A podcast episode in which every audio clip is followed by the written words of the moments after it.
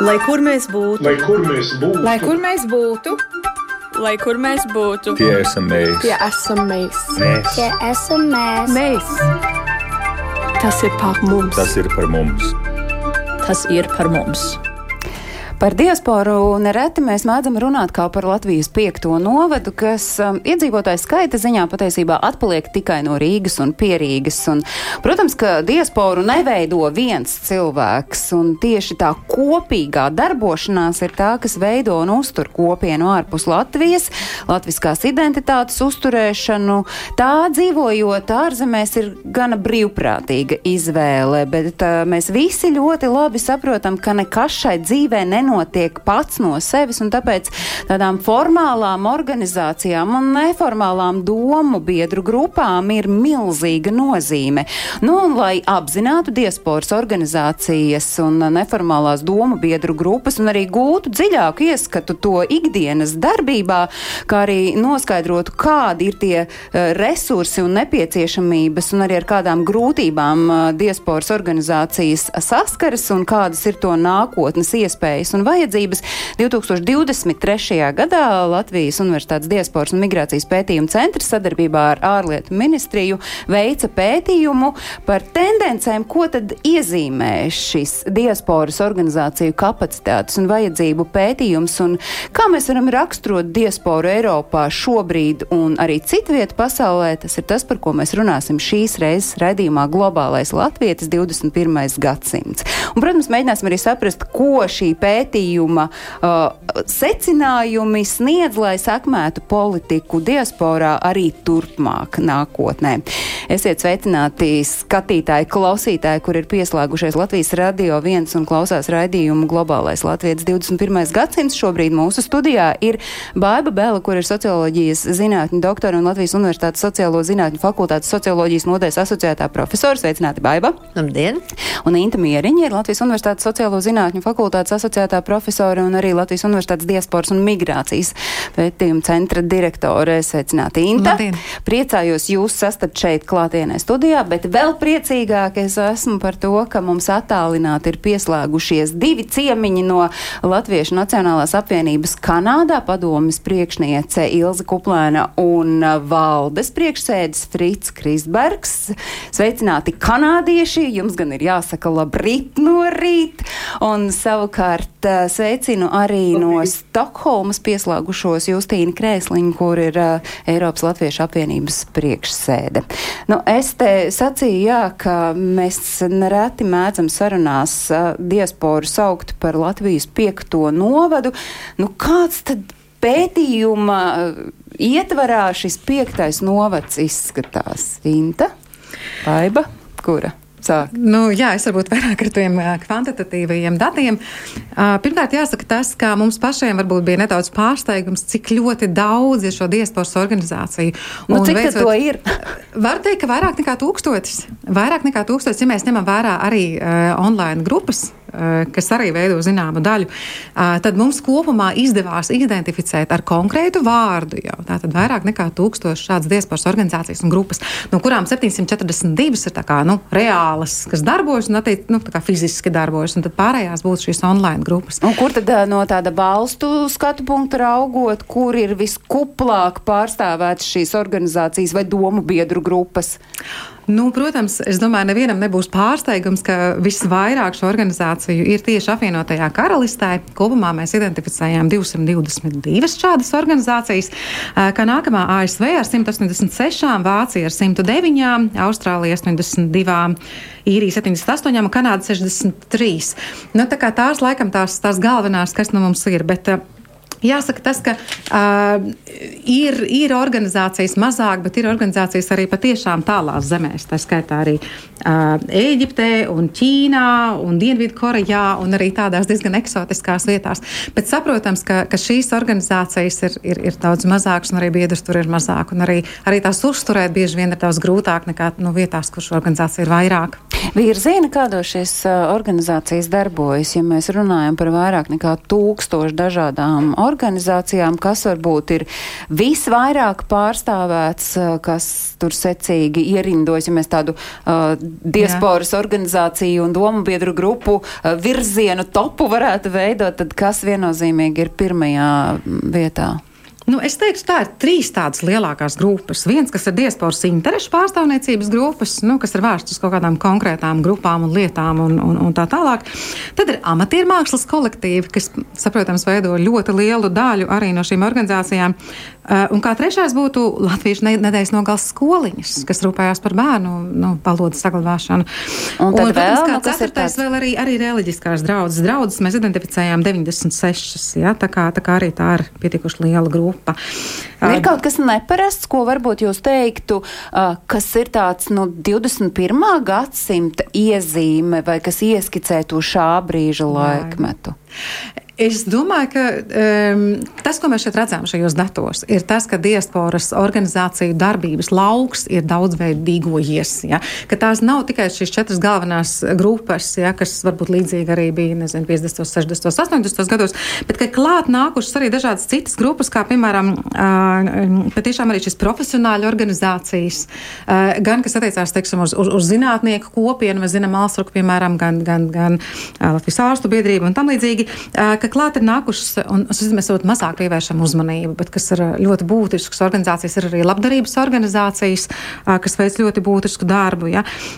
Ir arī, kas ir interesanti, un, un tā ir tā varbūt tā mazāk redzamā daļa, bet patiešām ir daudz kūsā visapkārt daudz tādas mazas organizācijas, kuras varbūt nav ziņu lapās un tam līdzīgi, bet kas ir piemēram kaut kādas sporta komandas, kas ir piemēram, nezinu, novusa klubiņi, kas ir kaut kādi rokdarbinieku grupiņas un tā tālāk. Un, un īstenībā šīs mazās grupiņas sastāv vienu ļoti nozīmīgu daļu no saucamajām diasporas organizācijām. Mēs, mēs vairs neesam tajā laikā, kad, eh, kad latvieši tīklojās tikai tādās lielās, milzīgās organizācijās, milzīgos latviešu namos. Tagad ir tā, ka patiešām mēs, mēs, mēs redzam daudz mazāku un uh, ma, mazākas grupiņas, daudzveidīgākas, kur, kas ir daudz neformālākas, kas ir visdažādākajās vietās. Baiba gribēja papildināt. Uh -huh. Jā, es gribēju teikt, ka varbūt 20. gadsimtā draudzēm bija ļoti būtiska loma 21. gadsimtā sporta tiešām ļoti dažādas tās veidojumi ieņem svarīgu lomu. Un noteikti tiešsaistes um, tīklošanās arī ir kaut kas tāds, kas tomēr ir uh, ienāk ar internetu gadsimtu, jo tā iespēja satīkloties visdažādākajos veidos un dažādākajās organizācijās, gan, teiksim, um, Latviešu Anglijā vai vēl pavisam mazākās konkrētās vietiņās vai arī, kas ir, piemēram, Latvijas eksperts, kas ir tāda nu, globāla Facebook grupa, kur, kur, kur jebkurš, um, lai kur viņš lat, atrastos, Latvijas var iesaistīties, ka tas arī būtu tieši tā tehnoloģija, mediātā saskarsme arī ir kaut kas tāds, kas ienāk tagad ar to 21. gadsimtu. Ja var vēl piebilst, eh, uzsākot šo pētījumu, mēs faktiski saskārāmies arī ar tādu interesantu metodoloģisku problēmu, ja kā vispār definēt, kas ir diasporas organizācija. Nu, piemēram, tāda organizācija, kas atrodas Latvijā, bet kas ir vērsta uz diasporu, nu, kā piemēram muzejs Latviešu pasaulē, ja?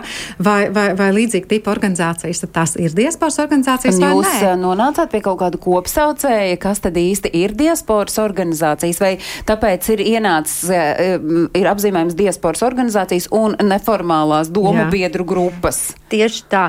Un arī kā runājot ar pašiem latviešiem pasaulē, viņiem arī doma dalījās par to, vai viņi ir vai nav diasporas organizācija. Bet uh, mēs nolēmām, ka ņemot vērā, ka arī tur valdi veido puse no Latvijas, puse ārpus Latvijas, un tomēr tā orientācija tieši muzeja saturā ir uz diasporu, tad mēs viņus ieskaitījām kā diasporas organizāciju un nolēmām, lai tad paši diskutē tālāk. Bet, Bet šai pašidentifikācijai ir ļoti būtiska nozīme. Bet eh, runājot par to, ka ir daudz un dažādu mazāku un pavisam mazu dombiedru grupu, eh, tas rada to, tās bažas par sadrumstalotību, Jā. vai, vai un pamats ir šādām bažām no pētnieku viedokļa raugot, un tad jau skatīsimies uz pašām organizācijām, ko viņi par to saka.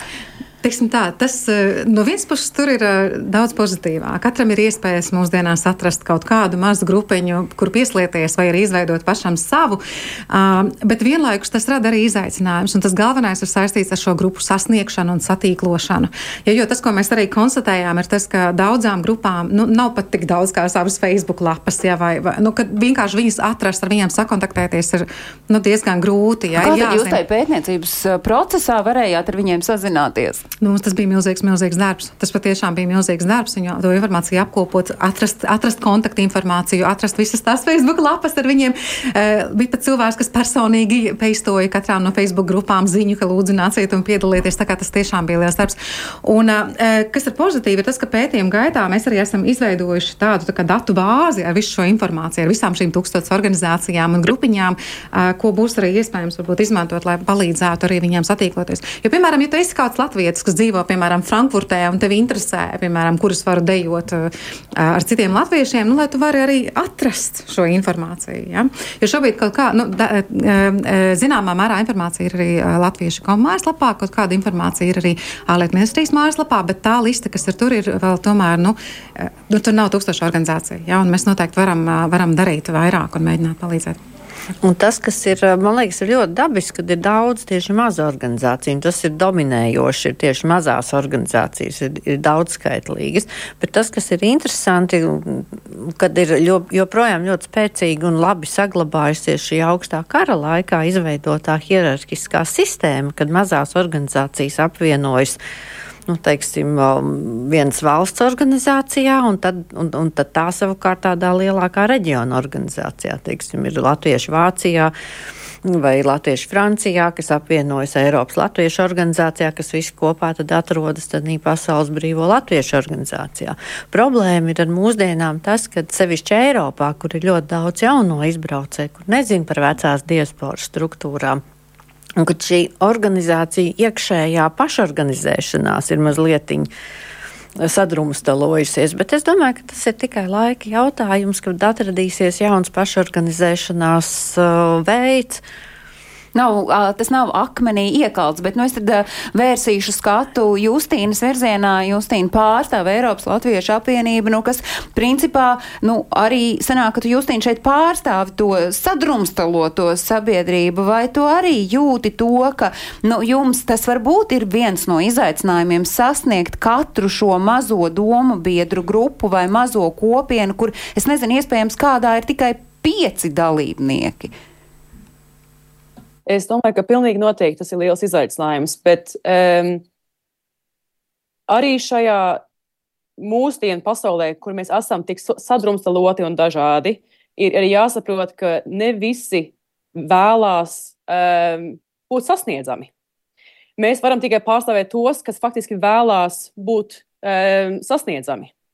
Ka mēs darām to, ko mēs varam, lai sasniegtu um, tik plašu un tik daudz. Mēs arī sadarbojamies uh, ar, ar gan latviešu mēdījiem, eh, diasporā un, un, un citām organizācijām, lai, lai to tīklu izveidotu tik plašu un stabilu, cik iespējams. Um, bet mums, mēs paši no sevis nevienā brīdī nevaram prasīt, ka mēs visu sasniegsim, jo visi nevar tik sas, sasniegt. It sevišķi, ja viņi negrib ļauties. Bet tādā šobrīd, nu, ja mēs tā palūkojam, gan sadrumstalotā latviešu kopienā Eiropā un pārstāvniecībā saistībā ar Latviju, tad joprojām tomēr Eiropas Latviešu apvienība ir tā, kas nu, paņem to vezumu, un, ja ir stāsts par uh, Eiropas latviešiem un Latvijas valsti, tad jūs esat tie, vai tomēr jūs jūtat, ka ir arī centieni nu, no tiem mazajiem mēģināt kaut kā aizķeksēties līdz Latvijai? Tie mazie aizķeksējās līdz Latvijai. Um, tas, tas, tas secinājums, pie, kur, pie, pie, pie kura mēs atkārtot nonākam, ir tāds, ka um, šī jumta organizācijas struktūra pastāv zināmiem iemeslu dēļ. Un tas ir dēļ tā, ka Latvijas valstī ir neaprakstām daudz vienkāršāk sadarboties ar vienu vai, teiksim, ar um, piecām lielām diasporas organizācijām un nevis ar šīm tūkstotis sašķeltajām mazajām. Un mūsu um, motivācija, mūsu uh, mērķis ir vienmēr um, ļaut itin visiem, ja vienalga vai viņi ir mūsu, mūsu biedri vai viņi ir kāda um, sašķelta maza vienībiņa, katram ir tiesības nākt pie mums izteikt savu viedokli, uh, un mēs viņus aktuālus jautājumus pārstāvēsim vienalga, vai viņi struktūrāli ir mūsu paspārnē vai nē. Tagad es uh, skatos uz uh, Kanādas uh, pusi un Latviešu apvi Nacionālā apvienība Kanādā. Nu, Vispār šobrīd eh, es minēju, ka Eiropa ir gana sadrumstalota te pie tiem skaitļiem, ko pētījums pie šīm tūkstošu eh, dažādām, vairāk nekā tūkstošu dažādām diasporas organizācijām un dombiedru grupām. Kanādā arī ir gana daudz, 63. Vai jūs paši varat tā kā ieskicēt, uh, kādi ir tie virzieni, kuros šīs 63 organizācijas vai domu biedru grupas darbojas un cik tālu jūs, jūsu redzes lokā, kā Latviešu Nacionālās apvienības Kanādā redzes lokā parādās visas šīs 63? Es varu, Frits, tev jautāt. Jā, vispirms uh, mums ir pilnīgi, protams, cita situācija nekā Eiropas Latviešu apvienība, jo mēs esam vienā valstī. Uh, un uh, mums nav jāatcerās ar dažādiem nacionālu un valsts likumiem, uh, tradīcijām, kultūru un, un tā tālāk. Um, bet, un, un arī mums ir vairākas organizācijas, uh, es teiktu, līdzīgi varbūt kā, kā Eiropā, vairākas citas or, uh, organizācijas, kuras arī sniedzās pār pa visu Kanādu. Uh, piemēram, mūsu uh, Latviešu evaņģēlis Lutriskā baznīca Kanādā apgabals, uh, kas, kas sniedzās no viena krasta uz otru. Uh, Daugavs Vanag arī. Uh, tā kā ir, ir tāda, ir cita organizācijas struktūrāla vienotība, kas, kas iet un savieno visu vis latviešus Kanādā. Um, bet es, es neteiktu, ka mēs esam tik sadrumstalot. Mums ir, mēs, mēs to uzskatām vairāk kā tādu pozitīvu lietu, ka ir ļoti daudz aktivitāti, kas notiek uh, zem viena vien tāda plašāka paspārna, un daļa no mūsu uh, uh, Nacionāla apvienības uh, uzdevums būtu, lai veicinātu tieši tādu nodarbību. Uh, un, uh, uh, jo vairāk, jo labāk. Zin, man, man ir vienalga, vai mums ir 60 maziņas uh, uh, vai 60 organizācijas Kanādā vai 600. Ja viņas ir darbīgs un uztur un veicina mūsu mūs sabiedrību, nu tad urā un darīsim. Cik starp citu vispār ir latviešu šobrīd Kanādā un kādi tad ir tie virzieni, kuros nu, tie aktīvie latvieši darbojas? Bet cik pavisam ir jums ir aplēses? Man, man ir. Ilza. Tev ir tie numuri. Man liekas, ka Fricim mazliet sastrēkoja internets šobrīd. Nē, Ilza, ir zinām, cik ir aptuveni es var.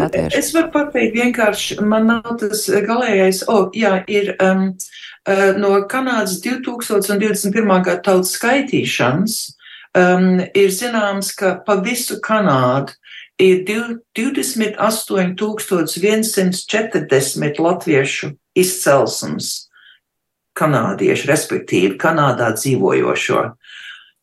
Jā, un no tiem 16,000 dzīvo Ontārio provincē. Un tādu aktīvo no šiem visiem ir un kādos virzienos tad darbojas tās jūsu uh, organizācijas, uh, nu, kuru, kuru vārdus šobrīd, ja vajadzētu droši vien visus 63 kāds arī varētu nosaukt, bet tas nav tas svarīgākais - virzieni un cik aktīvu. Mm -hmm. Vienīgais, ko es varu teikt, cik aktīvi tas ir ļoti grūts jautājums Jo jums jāatcerās, ka iet runa par sadrumstalotību, vai ne? Te ir geogrāfiski attālumi. Lai es lidot no Toronto uz Edmontonu, es iekāpu lidmašīnā, es esmu izdevusi 493 eiro un 80 centus, un es sēžu lidmašīnā 4 stundas 23 minūtes. Tā kā tā realitāte ir tā, ka ļoti daudz tā darbība notiek geogrāfiskos centros, bet no tautas skaitīšanas mēs zinām, ka 15,7% no tiem, kas sev dēvē par latviešiem, um, māca valodu ir latvieši. Ar vārdu sakot, 85%, kas sev uzskata par latviešiem, uzskata, ka viņa vai definē, ka viņa māca valoda ir angļu valoda, nevis latviešu valoda. Un no tiem 880, respektīvi 3,1% mājās runā tikai latviski. Nu, tas ieskicē to ainu, kāda ir Kanādas Jā. latviešu vidū, uh, bet tās organizāciju virzieni, kādi tie ir, kur darbojas tas, ko jau pētniecis nosauc, ka vien visu pirms tā ir interešu pārstāvniecība, tie ir uh, amatieru pulciņi, kori, deju kopas, un tās ir sestdienas, svētdienas skolas. Uh, ir arī tas, ko te ieskicēja, kas ir tie nu, nosacīti jaunie vedumi, gad, dažādas sporta aktivitātes, un, es nezinu, knipelētāju vai adītāju pulciņi, vai arī tādi ienāk Kanādas latviešu vidū. Frīds, es gribu atbildēt, bet es teiktu jā, jā, jā un jā. Jā. jā. Ļoti labas atbildes ir vairāk kārtīgi jā, bet nu tad ieskicējiet Latviešu Nacionālā apvienība Kanādā. Kāds ir tas jūsu virziens? Jūs esat šie interešu pārstāvji, bet ir vēl droši vien kaut kādas papildu virzieni, kuros jūs darbojaties un kur jūs redzat to savu spēku un virzību diasporas uh, virzienā? Frits? Nu, mūsu tradicionālais, tradicionālais virziens uh, pirms Latvijas brīvības atgūšanai, protams, ir, ir bijis cīnīties par Latvijas brīvību uh, un, un uh, motivēt citus latviešus, lai, lai pievienoties šai, uh, šai procesā.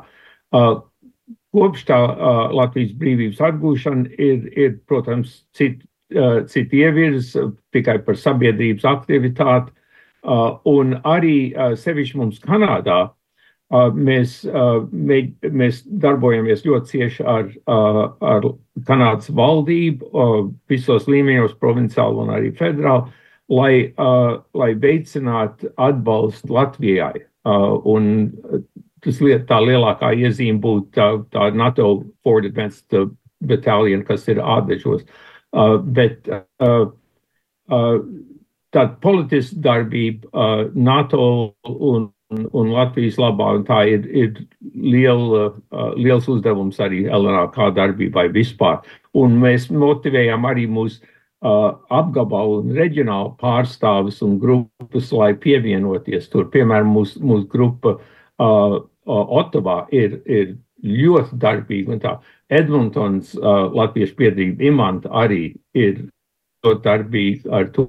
Un ir, ir, protams, tagad arī pēdējā laikā attīstījušās uh, sabiedrības, latviešu sabiedrības grupas tur, kur agrāk nebija uh, latviešu, un tas ir dēļ uh, emigrācija šeit, uh, piemēram, Okanagan ielējā, uh, Brit Kolumbijā un, un uh, uh, un Atlantijas provincēs, un tā, kur ir atjaunot uh, latviešu sabiedrību. Tā kā uh, tur ir katrā rajonā ir, ir viņam ir savs varbūt īpatnējs uzdevums un iespējas.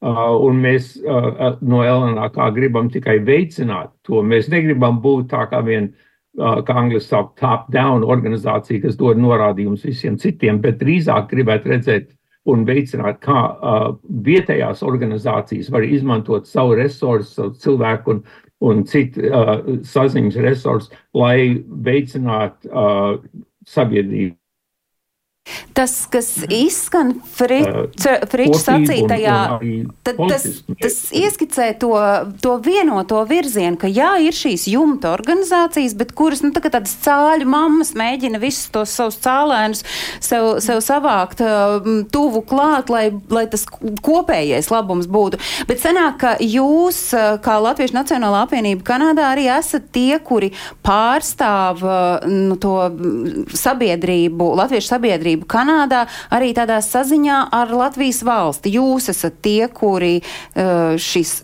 sarunas un pārunas uh, ikdienā uztur. Taisnība, Ilzes saku. Es, es domāju, tas ir ļoti būtisks jautājums, un it īpaši ņemot vērā uh, Kanādas iesaistīšanos Latvijā ar, ar NATO. Um, protams, Viss tas tiek virzīts formālā veidā caur vēstniecību, un mums ir vienmēr bijuši lieliski vēstnieki, kas to ir darījuši. Un līdz ar to mums jāsaprot, kas ir mūsu īpašais uzdevums. Un mūsu īpašais uzdevums ir galvenokārt lobēšana. Un tā kā piemēram tas, kas notiks tagad um, uh, marta sākumā, mūsu uh, Frits ieminējās mūsu oktās latvieši, viņi rīko kopā ar ukraiņiem tādu uh, dziesmu un deju dienu. Bet līdz ar to mēs taisamies tā izsūtīt atkal tā slaveno paskartīņu akciju, Un mēs izdalīsim pa visu Kanādu, izsūtīsim pa visu Kanādu, paskatīs tā, ko mūsu um, Kanādas, Kanādā dzīvojušie latvieši, respektīvi pilsoņi, var nosūtīt saviem parlamentu locekļiem, lai viņus mudinātu turpināt atbalstīt Ukrainu un būt moži par to, kas notiek NATO austrumu flangā. Tā kā mūsu uzdevums ir tāds, un mēs tad uz uzdevumu, un tad izaicinājums lielākoties ir arī mudināt cilvēku saprast, ka viņi drīkst to darīt. Viņi drīkst, un tas ir viņu uzdevums pilnībā. Viņi drīkst runāt ar saviem parlamentu locekļiem un bungāt pie durvīm un tā tālāk. Tagad tas ir mūsu uzdevums. Mēs strādājam līdztekus vēstniecībai, lai izplatītu informāciju par aktu, aktuālo, eh, aktuālo situāciju. Par lobēšanu runājot, es redzēju, ka Justīna gribēja ko piebilst. Iespējams, vēl pirms vārds lobēšana izskanēja. Es pilnībā piekrītu. Lobēšana nebija tas, tas vārds, uz kur es uzkāros. Es, es iedomājos par vēstniecībām. Un arī e, priekš manis gatavojoties e, šai sarunai, man tieši e, vēstniecības radās kā viens, viens ļoti svarīgs e, kontaktpunkts diasporai pret Latvijas valsti. E, tas ir kaut kas, kas līdz šim nav bijis, manuprāt, e, pilnīgi izstrādāts. Mums nav bijusi e, izveidota izveidots pamats labai sadarbībai, kā to trīsstūri starp Latvijas valsti, vēstniecībām, kā tomēr ārval, ārvalstīs um, pārstāvniecība un kā diasporas organizācijas var optimāli sadarboties. Vēl pie šī trīs tur vēl, varētu vēl arī pie, uh, piemest klāt godu konsulus kā tādu vēl vienu parādību, kas, kas ārvalstīs um, īstenībā strādā Latvijas uh, interesēs. Un um, man pašai liekas, un esmu samā pārliecināta, ka mēs tieši pie šī jautājuma arī ķersimies un sāksim, sāksim strādāt, jo esmu pilnīgi pārliecināta, ka sadarbībā ar vēstniecību un no godu konsuliem mēs varētu atrast kontaktus vēl pāris uh, diasporiešiem, uh, kuriem, kas mums šobrīd nav bijuši vispār uz radāra.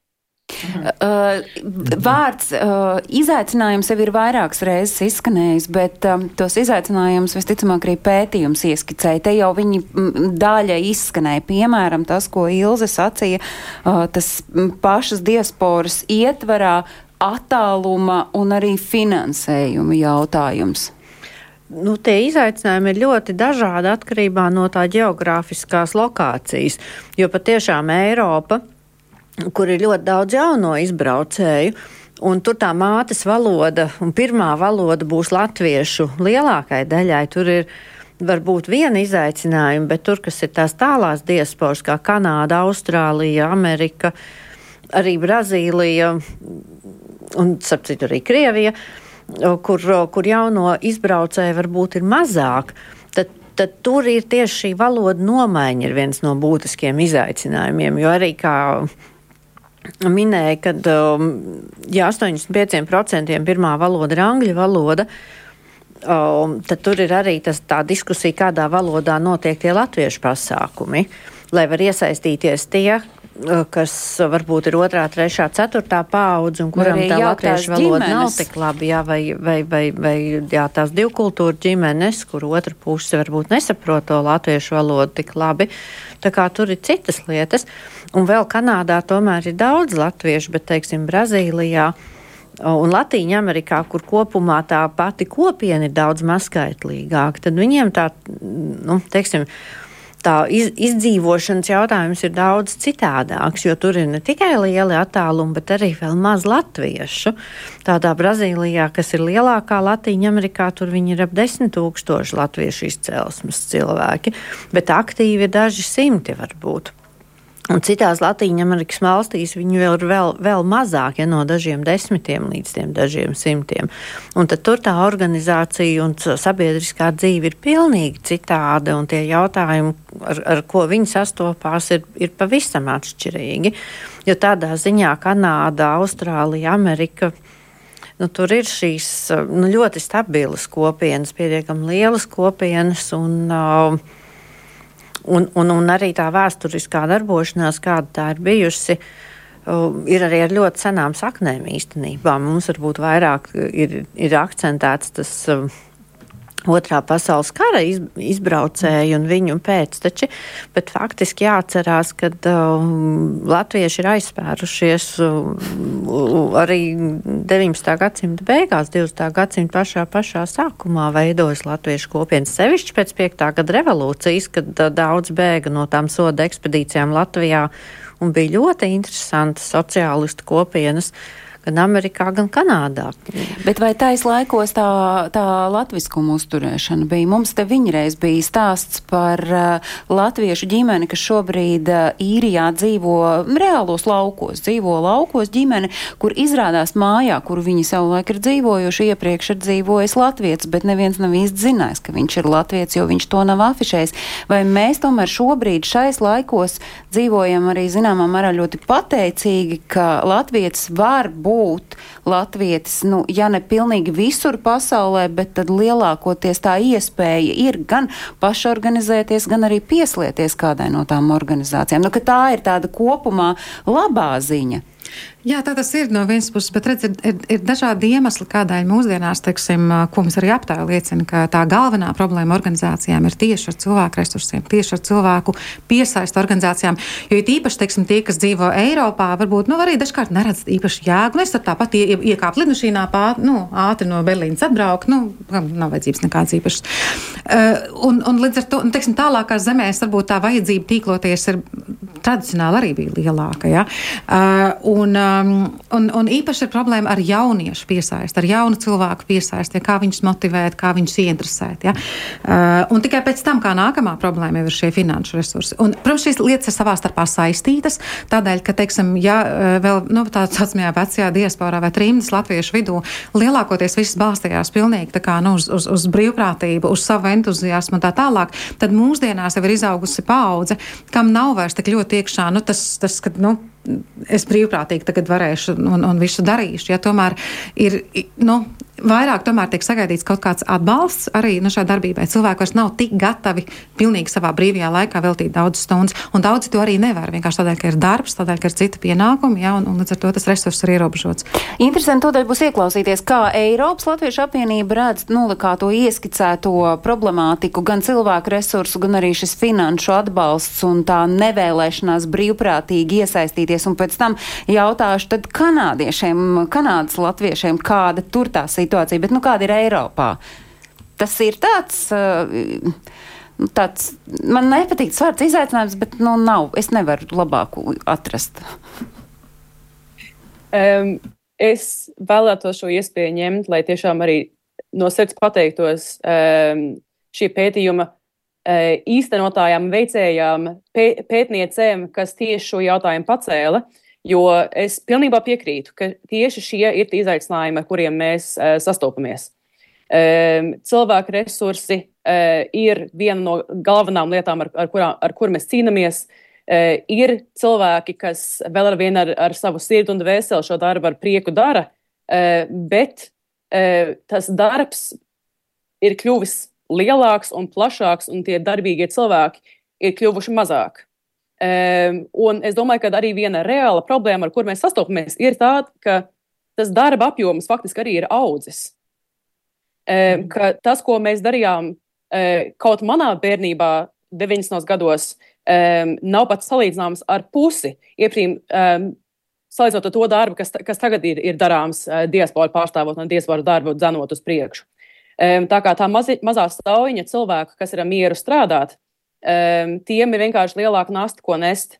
Uh, un tur, saprotams, arī um, jauniešu piesaiste, ievilināt, lai jauni cilvēki nāk, nāk klāt un ir mieru piepalīdzēt, vai pat tīri finansiāli, vai mēs ne, ne, nevaram atrast kādus uh, apmaksātus līdzekļus vai, vai atalgotus cilvēkus, kas mums varētu palīdzēt šo darbu sadalīt.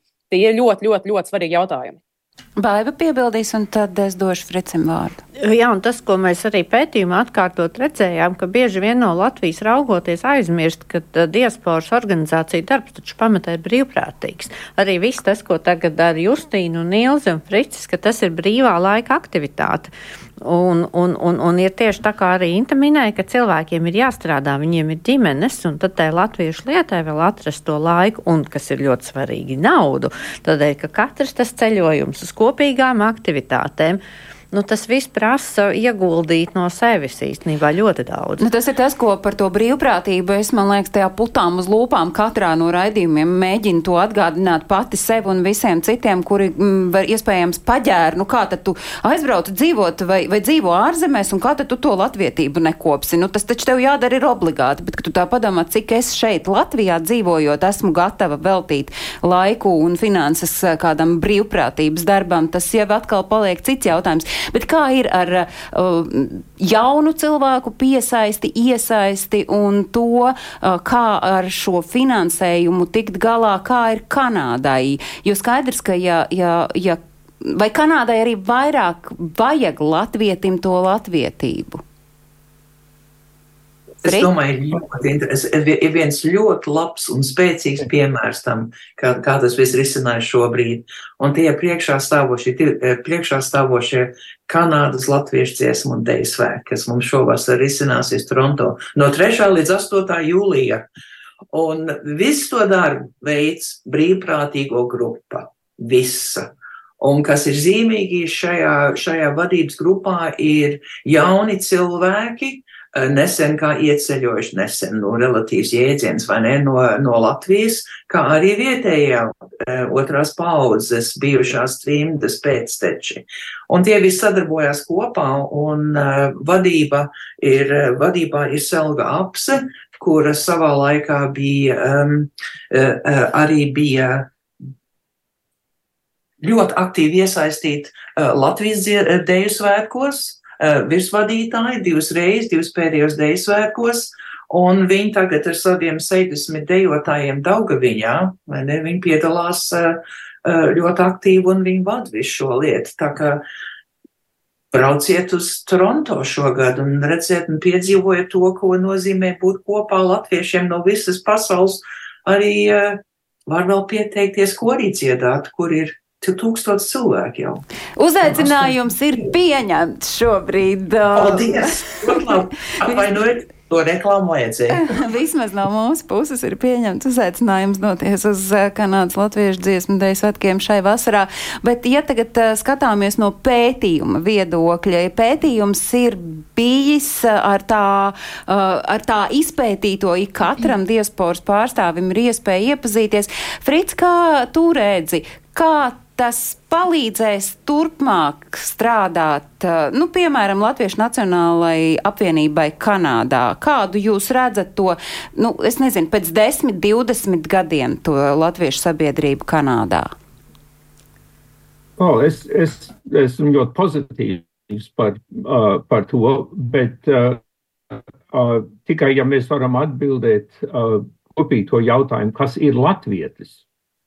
Uh, un vai tas būs tikai uh, pamatots uz, uz līdzdalību kādā deju grupā, tautas deju grupā, vai uh, latviešu korī, vai latviešu valodas spējas, vai tā. Kas ir latviečs? Kas ir tas globālais latvietis, uh, kas dzīvo ārpus Latvijas, brīvprātīgi dzīvo ārpus Latvijas tagad, uh, un, un uh, kuram ir ļoti komplicēts uh, saites ar, ar Latviju un latviešu kultūru, Uh, kuram arī ir, ir obligācijas viņa uh, divu kultūru ģimenes otrai pusē, uh, kā, kā šis cilvēks sev definē kā, kā latvietis. Piemēram, kad Justīna runāja par, par cilvēku resursiem, jā, mums ir problēma, bet es nedomāju, ka tā, tā problēma ir iesaistīt jauno paudzi. Tā problēma sākās ar to, ka mums nav tā vidējā paudze, uh, un viņu bērniem arī. Uh, Uh, un tā izcēlās ar to, ka mēs, uh, tā, tā laika trimdu sabiedrība, negribējām pieņemt un negribējām pat atzīt asimilācijas uh, un, un izaicinājumu.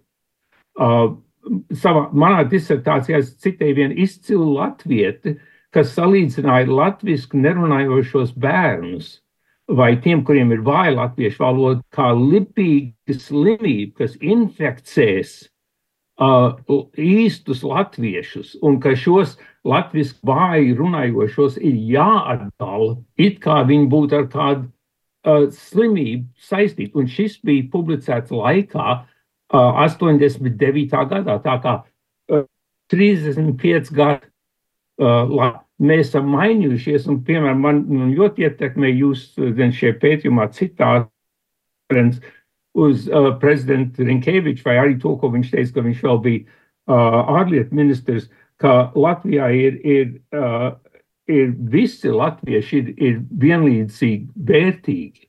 Uh, bet tad tas jautājums ir, okay, kas, cik daudz mēs, cik kādā mērā mēs esam gatavi pieņemt visus latviešus, un kā mēs katrs uzskatām, kas ir latvietis un kas nav. Te nu mēs uh, nonākam, uh, piedod. Tiešām tā ir.